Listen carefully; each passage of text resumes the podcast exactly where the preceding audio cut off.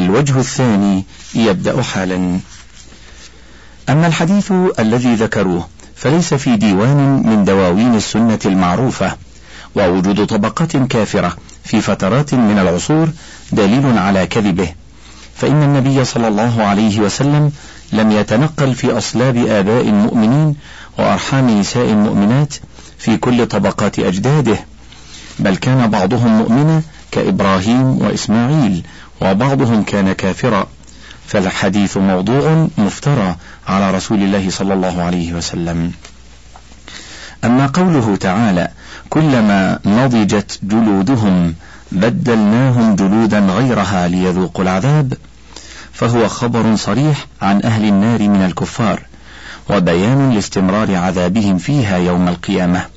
وليس فيه دلالة من قريب ولا من بعيد على أن الروح إذا خرجت من بدن عند الموت في الدنيا تقمصت بدنا آخر ليكون حبسا وعذابا لها.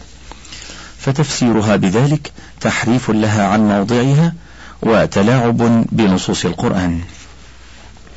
ختم الدرزي المحاورة باعتراف الشيخ الرافعي المزعوم بأن الدروز هم أفضل فرقة إسلامية على الإطلاق. ولا شك أن هذا الاعتراف وهمي. لأنه من شيخ مصطنع موهوم ولو قدر أن شيخا ما حقيقيا ناقش طالبا درزيا هذه المناقشة وجرت بينه وبين الطالب الدرزي وبين الطالب الدرزي هذه المحاورة لما دل ذلك على صدق النتيجة. فكم من محق مغلوب على أمره في النقاش والجدل لضعفه في العلم والمناظرة. فاستسلامه لا يدل على صحة مذهب مناظره ولا على صدقه فيما ادعاه واعتقده. بيان ما في المحاورة الثانية من الكذب والدجل والتلبيس.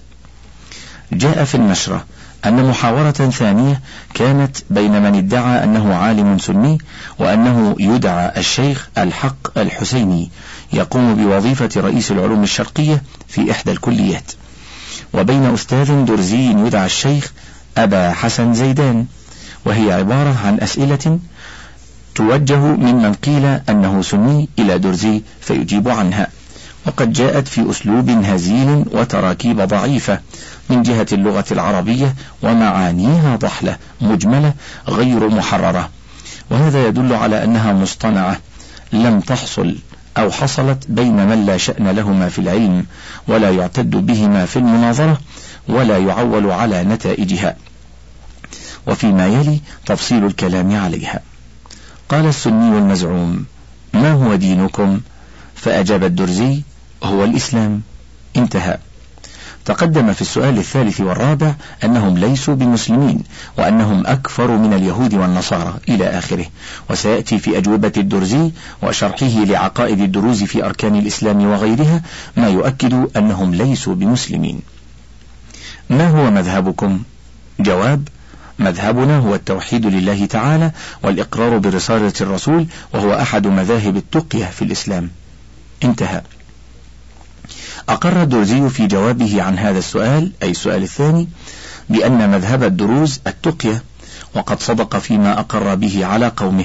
ومن المعلوم أن التقية مواربة وخداع ومراوغة ونفاق في العقيدة والقول والعمل.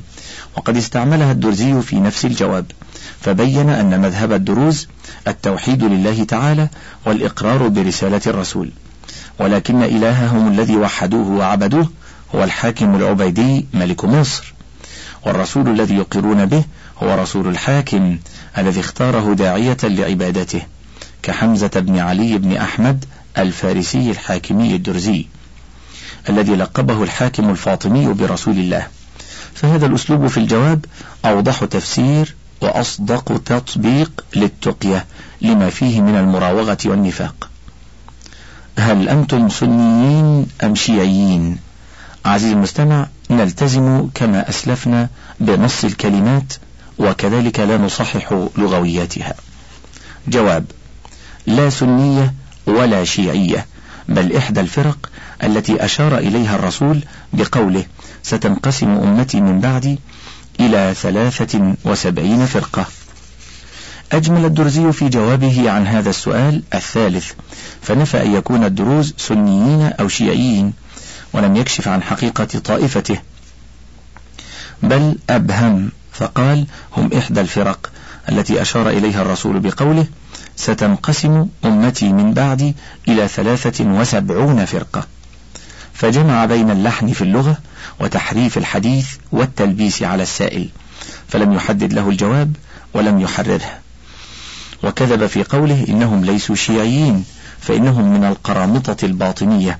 الذين هم من أخبث فرق الشيعة الغالية هل تصلون بأوقات الصلاة؟ جواب نعم نصلي لأن الصلاة واجبة على كل مؤمن لأنها تقرب الصلة بين العبد وخالقه. كيف تكون الصلاة؟ جواب: عندما نصلي على الميت فإننا نستقبل القبلة، ولكن الصلاة العادية حلقة ذكر. في السؤال الرابع والخامس إجمال وقصور، وكأنه مقصود ليتمكن الدرزي من الإجمال في الجواب أولا، ثم من الهرب والتحريف في المراد بالصلاة ثانيا. وقد فعل فقال نصلي لأن الصلاة واجبة ولأنها تقرب الصلة بين العبد وخالقه ثم ألحد في المراد بالصلاة ثالثة فقال عندما نصلي على الميت نستقبل القبلة وألحد أيضا ففسر الصلاة العادية أنها حلقة ذكر وفي ذلك إنكار أن يكون هناك صلوات خمس بالكيفية التي بينها رسول الله محمد صلى الله عليه وسلم وتكذيب لزعمه في الجواب عن السؤال الأول بأن دينهم الإسلام هل تركعون وقت الصلاة؟ جواب الركوع عندنا نافلة هل تسجدون وقت الصلاة؟ نعم نسجد حين السجود لأنه فريضة واجبة للتقرب إلى الله والتوسل إليه. في السؤال السادس والسابع إجمال وقصور أيضا، ومع ذلك أنكر الدرزي أن يكون الركوع فرضا، وذكر أنه نافلة. أما السجود فاعترف بفرضيته، ولكنه أجمل في كيفيته، وكأن هناك تواطؤا بين السائل والمجيب، أو السائل والمجيب شخص واحد. وهذا مما يناقض قوله في الجواب عن السؤال الأول ديننا الإسلام. لأن الصلاة في الإسلام ليست حلقة ذكر وإنما هي خمس صلوات في كل يوم وليلة بالصفة التي عرفت من الدين بالضرورة فهو مفتر بالنص وبالإجماع. هل تصومون شهر الصيام؟ جواب إن البعض وخصوصا الشيوخ يصومون. ولكن في عرفنا أن الصوم الظاهري نافلة. وأما الصوم الحقيقي فهو صيانة النفس عن المحرمات وهو في هذه الحالة فريضة لازمة مدى الحياة وليس بأوقات معينة لأننا نعتقد أن لا نفعل الصوم الظاهري مع مخالفة ما ينهى الله ورسوله عنه. أنكر الدرزي في جوابه عن السؤال الثامن فرض صيام رمضان فقال إن الصوم الظاهري نافلة. وفسر الصيام الحقيقي عنده بصيانة النفس عن المحرمات. وهذا إنكار لما علم من الدين بالضرورة وتحريف للنصوص يسقط عن المكلفين في زعمه وكذلك يسقط ما أوجب الله تعالى ورسوله صلى الله عليه وسلم من شعائر الإسلام. وهو كفر صريح وردة عن الإسلام بالنص والإجماع ومناقض لدعواه أن دينهم الإسلام. هل تحجون؟ جواب إن الحج في عرفنا هو نافلة أيضا لقول الآية الكريمة ولله على الناس حج البيت من استطاع إليه سبيلا. فكلمة من استطاع هي عبارة عن فسحة واسعة للذين لم يستطيعوا أداء فريضة الحج. في الجواب عن السؤال التاسع سلك نفس المسلك فأنكر فريضة الحج. كما أنكر فريضة صيام رمضان. فقال إن الحج في عرفنا نافلة. فجحد فرضيته. وهذا كفر لأنه إنكار لما علم من الدين بالضرورة. ثم موه بإيراد آية صريحة في تأكيد وجوب الحج على المستطيع.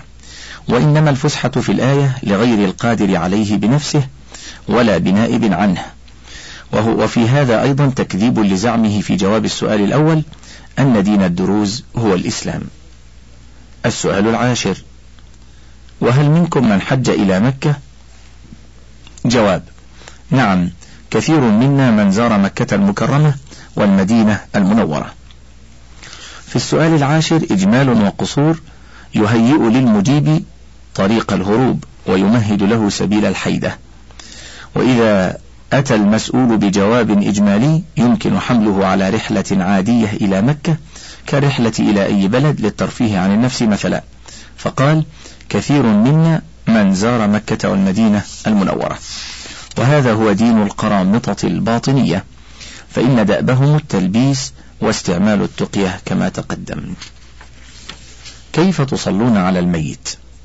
جواب إن صلاتنا على الميت هي على السنية هي على الطريقة الشافعية. ولكي نكفيكم مؤونة البحث الكثير فإننا نقدم لكم هذا الكتاب الصادر من لدن مشيخة العقل الجليلة التي هي عندنا المرجع الأعلى للمذهب التوحيدي. ومن هذا الكتاب تعرفون حقيقة طقوسنا المذهبية في الصلاة على الميت وفي كتابة عقود الزواج وفي الإرث بعد الموت وخلاف ذلك.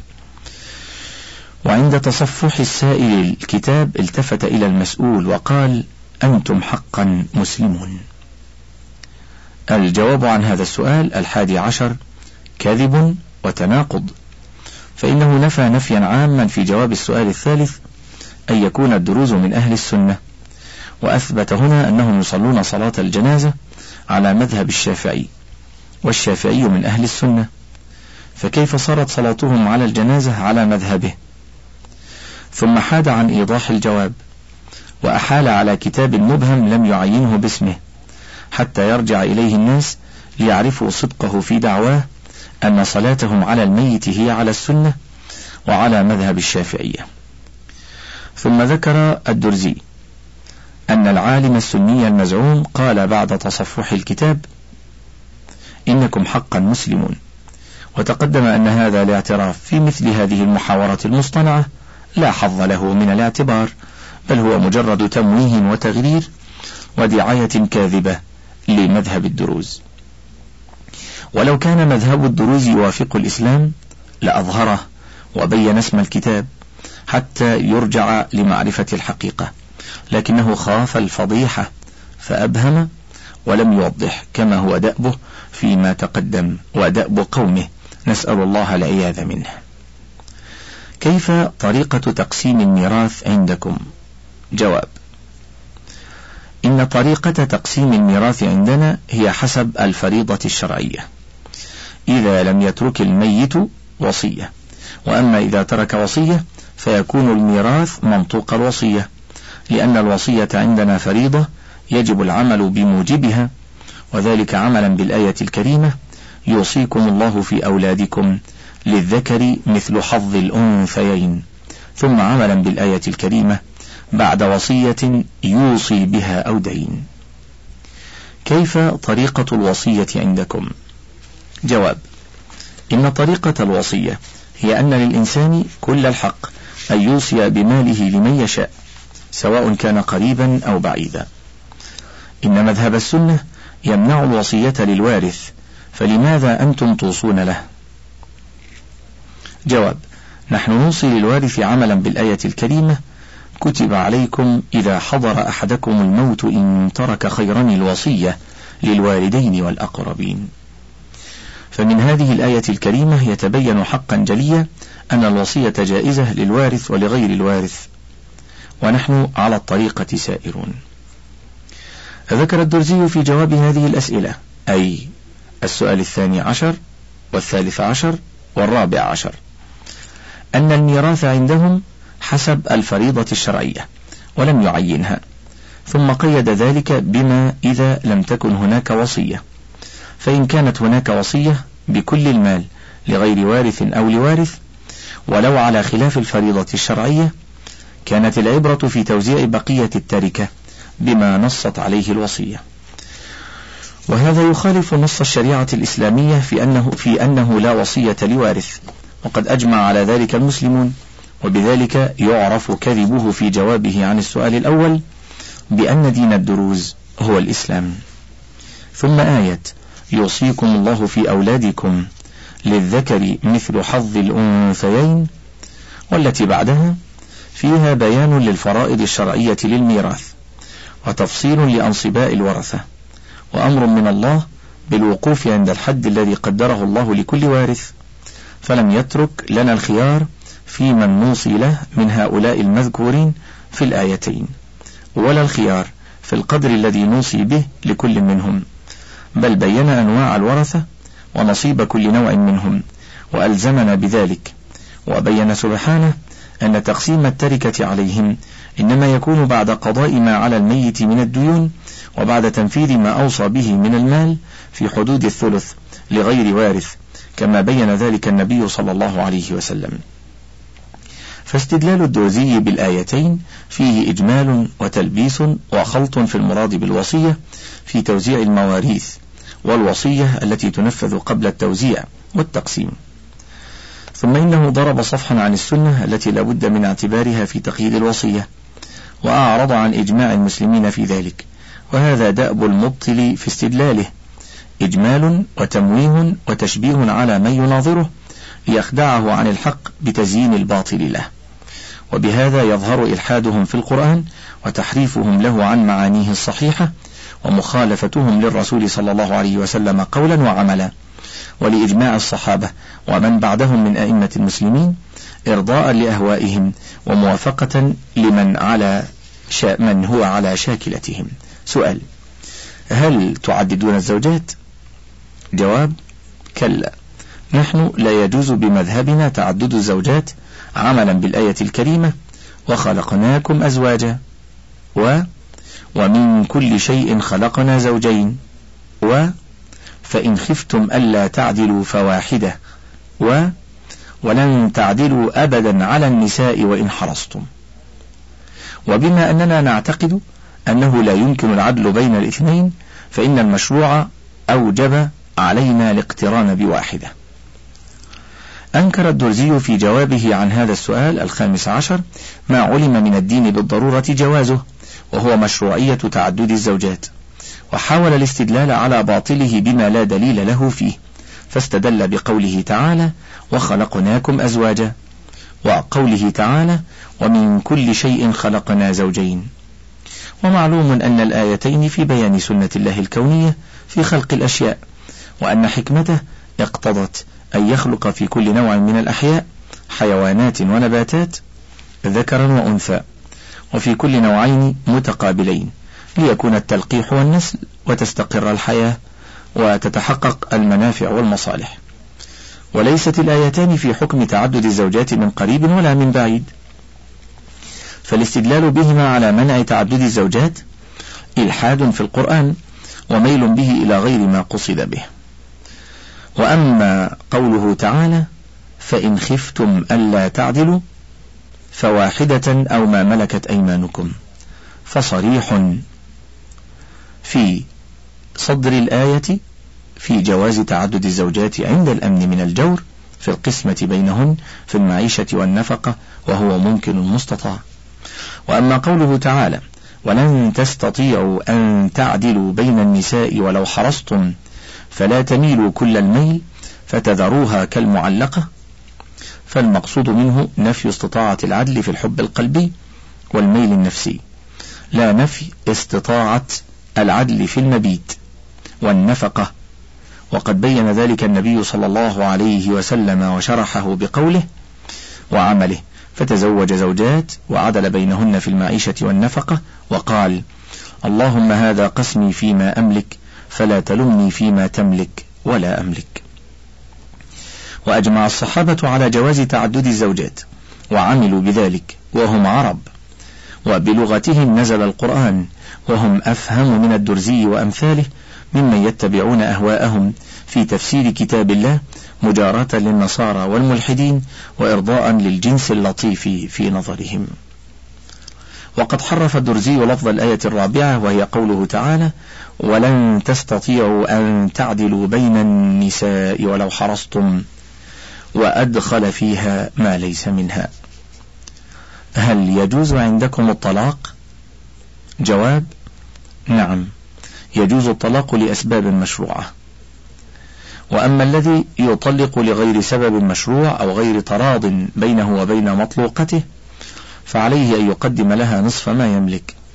وأما إذا كانت هي المتسببة في الطلاق من جراء جرم فعلته فعليها دفع نصف ما تملك للزوج. اعترف الدرزي في جوابه عن هذا السؤال أي السادس عشر بأن الطلاق جائز لكن لأسباب مشروعة وأبهم هذه الأسباب التزاما بمبدأ التقية في عدم بيان حقيقة مذهب الدروز. كما هو دأبهم في حديثهم مع من يخالفهم. ثم أضاف إلى ذلك طامة كبرى وتشريعا ما أنزل الله به من سلطان. فأوجب على الزوج أن يقدم لزوجته نصف ما يملك إن طلقها بغير سبب مشروع أو عن غير تراض بينهما. وأوجب عليها أن تدفع نصف ما تملك للزوج إن كان طلقها من أجل جرم فعلته. وهذا مخالف صراحة لما شرع في الإسلام من حقوق الزوجين عند الطلاق ومناقض لما قاله في جوابه عن السؤال الأول ديننا الإسلام. سمعنا أنكم تعتقدون التقمص وعلى أي شيء تبنونه؟ جواب نعم نعتقد التقمص ونبني هذا الاعتقاد على سببين أحدهما المنقول والثاني المعقول. فأما المنقول قول الآية الكريمة كيف تكفرون بالله وكنتم أمواتا فأحياكم ثم يميتكم ثم يحييكم ثم إليه ترجعون. فمن هذه الآية الكريمة وبعض آيات غيرها نفسرها طبقا لهذا المعتقد. وأما الذي من المعقول فهو لما كان الله تعالى عادلا في خلقه فلماذا جعل بينهم هذا التفاوت العظيم من غنى وفقر وسعد ونحس؟ وحسن وقبيح. طالما الناس يخلقون جديدا في هذه الدنيا فمن هذا التفاوت الكبير. ومن اعتقادنا الراسخ بأن الله جل جلاله منتهى العدل. ومن الآية الكريمة المار ذكرها فإننا نعتقد التقمص. ذكر الدرزي التقمص في جوابه عن هذا السؤال أي السابع عشر. وأدلته من النقل والعقل في نظر الدروز.